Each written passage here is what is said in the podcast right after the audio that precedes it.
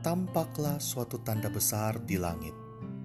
Seorang perempuan berselubungkan matahari dengan bulan di bawah kakinya dan sebuah mahkota dari 12 bintang di atas kepalanya. Wahyu pasal 12 ayat 1 Saudara-saudaraku terkasih, perkunjungan perawan Maria kepada Elizabeth melambangkan keberanian untuk bersaksi di tengah situasi sulit. Ketimbang berdiam di rumah dalam ketakutan dan kekhawatiran, perawan Maria dengan berani melangkah keluar, kendati berisiko untuk berjumpa dan berbagi sukacita iman. Sejak awal mula, dan sedari dalam kandungan, hidup kita semata-mata adalah anugerah Allah.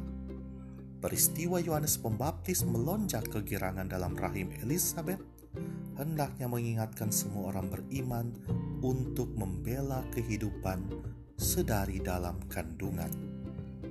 Celakalah mereka yang membenarkan tindakan aborsi dengan dalih menyelamatkan kehidupan penyangkalan hukum cinta kasih untuk mengasihi sesama seperti diri sendiri adalah penyangkalan iman akan Allah. Iman Kristiani tidak pernah membenarkan melenyapkan kehidupan seorang demi menyelamatkan kehidupan yang lain. Rahmat untuk mengasihi sesama seperti diri sendiri bersumber dari relasi cinta mesra dengan Allah.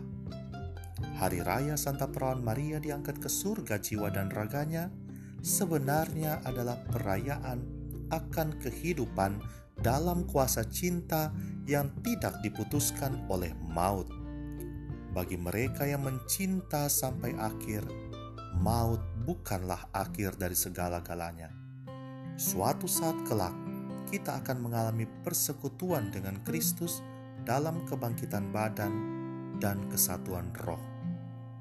Ini hanya dapat kita alami bila kita sungguh mengasihi Allah dengan segenap hati, jiwa, akal budi, dan kekuatan kita, sebagaimana diteladankan oleh perawan Maria.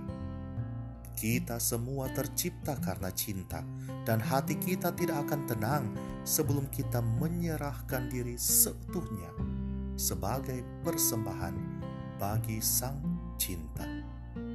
Di hari raya ini, marilah kita memohon bantuan rahmat Allah agar hati kita semakin dikobarkan dengan api cinta kasih sejati dan senantiasa merindukan persatuan cinta sempurna dengannya dalam kekekalan. Memento mori, sursum corda.